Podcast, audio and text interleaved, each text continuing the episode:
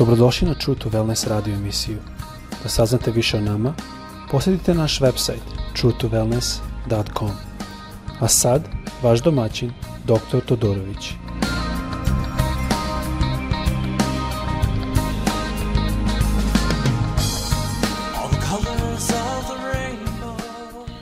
Dobrodošli ljubazni, pozdravljam vas iz Floride gdje radim ovaj podcast. Želo bi danas da govorim o Matiju 5, četvrti stih i peti stih, da kaže, četvrti stih kaže, blaženi su žalosni, jer će od Boga primiti utehu. Prošli put sam govorio o blaženi su siromašnim duhom, jer njihovo carstvo nebesko, to je bilo a, treći stih.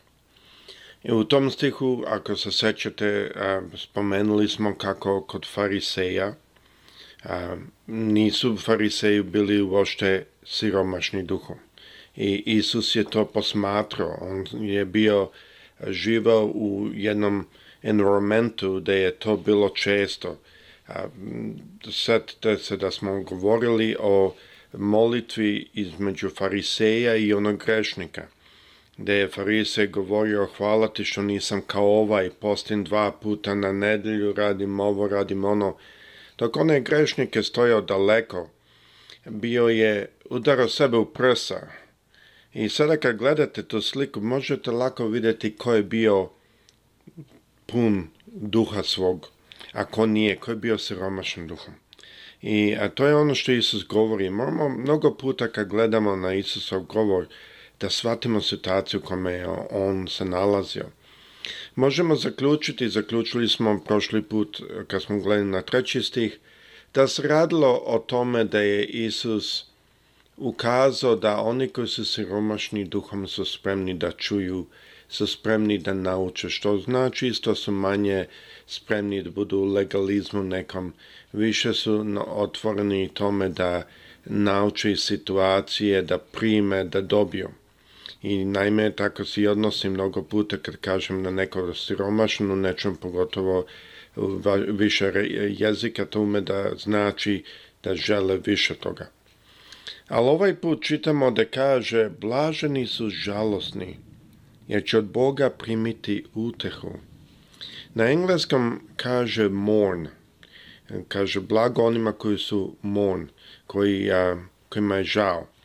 I onda sam ja to pogledao na grečkom i na grčkom to znači žaliti, plakati, osjećati se e, neugodno zato što smo pogrešili. Ono kad ljudi kažu krivo mi je što sam to radio, pogrešio sam, nisam.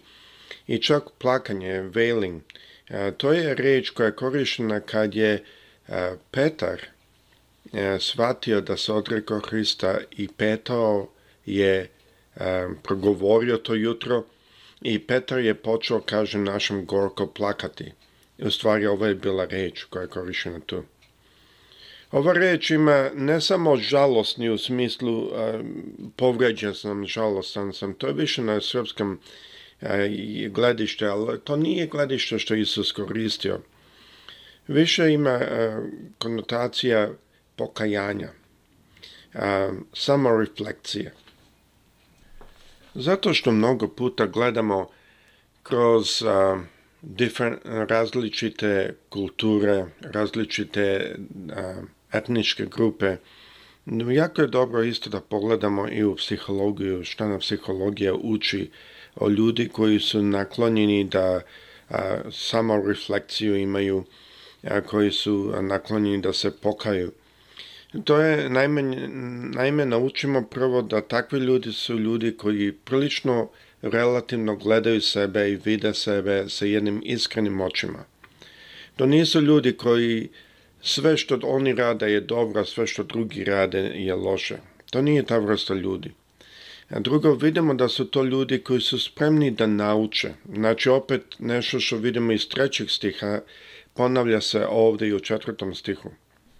To se isto vidi u tome što u ovom stihu, pogotovo kad pogledam na grčki, možemo vidjeti da je ovo u pitanju neko koji je spreman da nauči ili da promeni svoj plan u kome ide. I to je jako bitno da shvatimo da e, to je jedan stav koji Bog želi da mi imamo. Ne stav da ja sve znam. Ne stav da ja sam u svom dobar. Ne stav o koji o meni se fokusira, nego stav koji je u stanju da gleda kritično na sebe i da odvoji stvari što ne valjaju tako da primi ono što je dobro um, i da nauči i da dobije i da razvije ono što je dobro. A sad bih želo da pogledamo na stih peti. Peti stih kaže Blaženi su krotki, jer će im dati zemlja u nasledstvo. Jer im će se dati zemlju u nasledstvo. Prva stvar što želim da ukažem ovdje kada čitamo ovo, jedna stvar što je jako bitna, a to je da mnogo puta kad mi gledamo stihove, nama to liči kao ovo je treći, ovo je peti, ovo je četvrti, što god, ali u vreme Hristovo i kad je riječ pisana, stihovi nisu postali, to je bila sve jedna priča, sve jedna proza. Stihovi su kasnije stavljeni da bi mi mogli manje e, vremena provesti da nađemo ono što želimo, da bi mogli specifično da pročitamo ono što želimo. I kada gledamo ovdje, opet gledao sam na grčkom šta znači ova reč krotki. Jer sada mnogi ljudi možda misle, krotak znači krotak.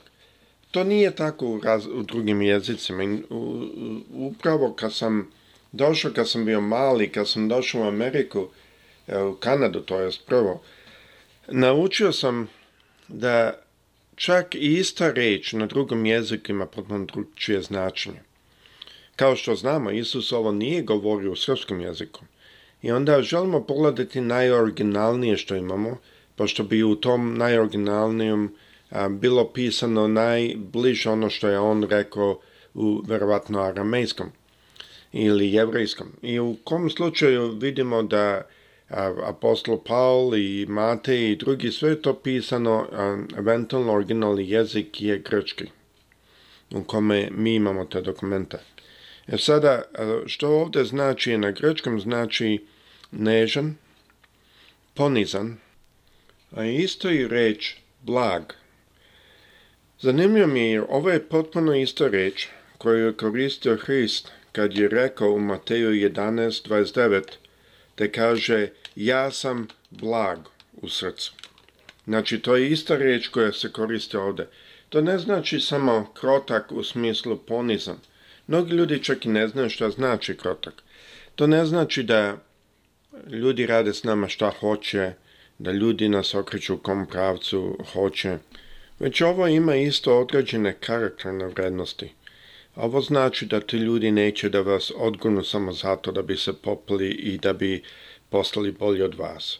Ovi ljudi će većinom imati više razumevanja, više konsideracije eh, ka vama nego recimo koji nije takav. Neko koji je nežan će imati više diplomatski prilaz. Ovo nema nikakve veze da eh, da neko može da, da kažemo od njih pravi, kako da kažem, da su nevešti ili da su to ljudi koje svako može koristiti. No, no, to baš ne znači to. Čak naprotiv, mi imamo iz psihologije da to su ljudi koji jako puno više puta imaju learning agility, to jest u stanju su da nauče. E sada, o čemu se radi ovdje? Ovdje se ne radi o naučiti u smislu zapamtiti i odgovoriti na ispit. Learning agility što psihologija nas uči da o ovim ljudima o kojima Isus govori da mi kažemo blaženi su krotki. Oni imaju veću learning agility što znači u situacijama lakše uče. Ne radi se o učenju kao knjižarsko učenje, radi se o učenju situaciji. Znači ja prođem u nekoj situaciji, imam loše iskustvo, ja naučim iz toga. Ja, na primjer, umem da pročitam situaciju kad neko boli, kad nekom se ne osjeća dobro i naučim kako to da pročitam. Naredni put ja sam puno brži da to pročitam. Kada vidim situacije određene se dešavaju oko mene, iz, iz ranijih situacija naučim. Znam kako da se ohodim.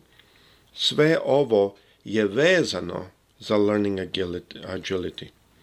E sada, što mi znamo je da learning agility je jako bitno za inteligenciju.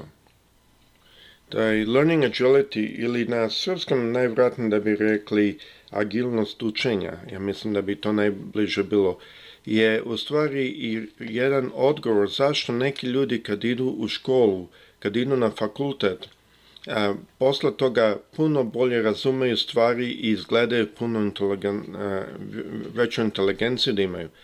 Ali škola sama ne daje inteligenciju. Kad neko ide u školu, oni nauče znanje, a ne inteligenciju. Ali zato kad imaju agilnost učenja, koja se dobija od jedne poniznosti, kao što vidimo ovdje, onda su u stanju kroz sva ta iskustva na fakultetu da razviju inteligenciju. I to je bilo dokazano. Znači, ako gledamo to, shvatimo isto da Hrist želi da mi kao hrišćani budemo inteligentni i ponizni. Ta dva idu zajedno. Ne samo to, nego ima i treći element koji znamo i psihologija, a to je mentalno zdravlje. Kad su ljudi ponizni, oni imaju vrlo jaču mentalnu stabilnost. Oni su u stanju više pritiska podneti.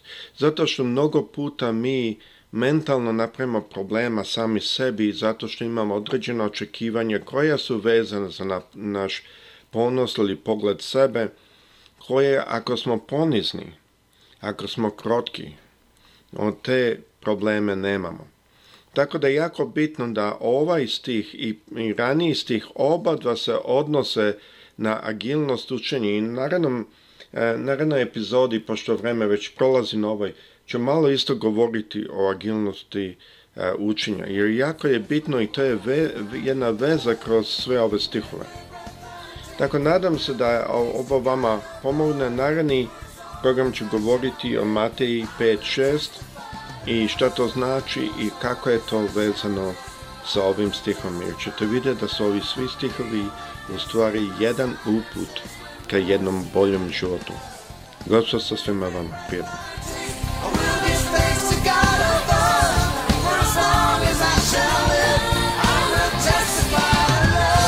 Slušate True to Wellness radio emisiju. Pridružite nam se ponovo svaki utorak, četvrtak i subotu.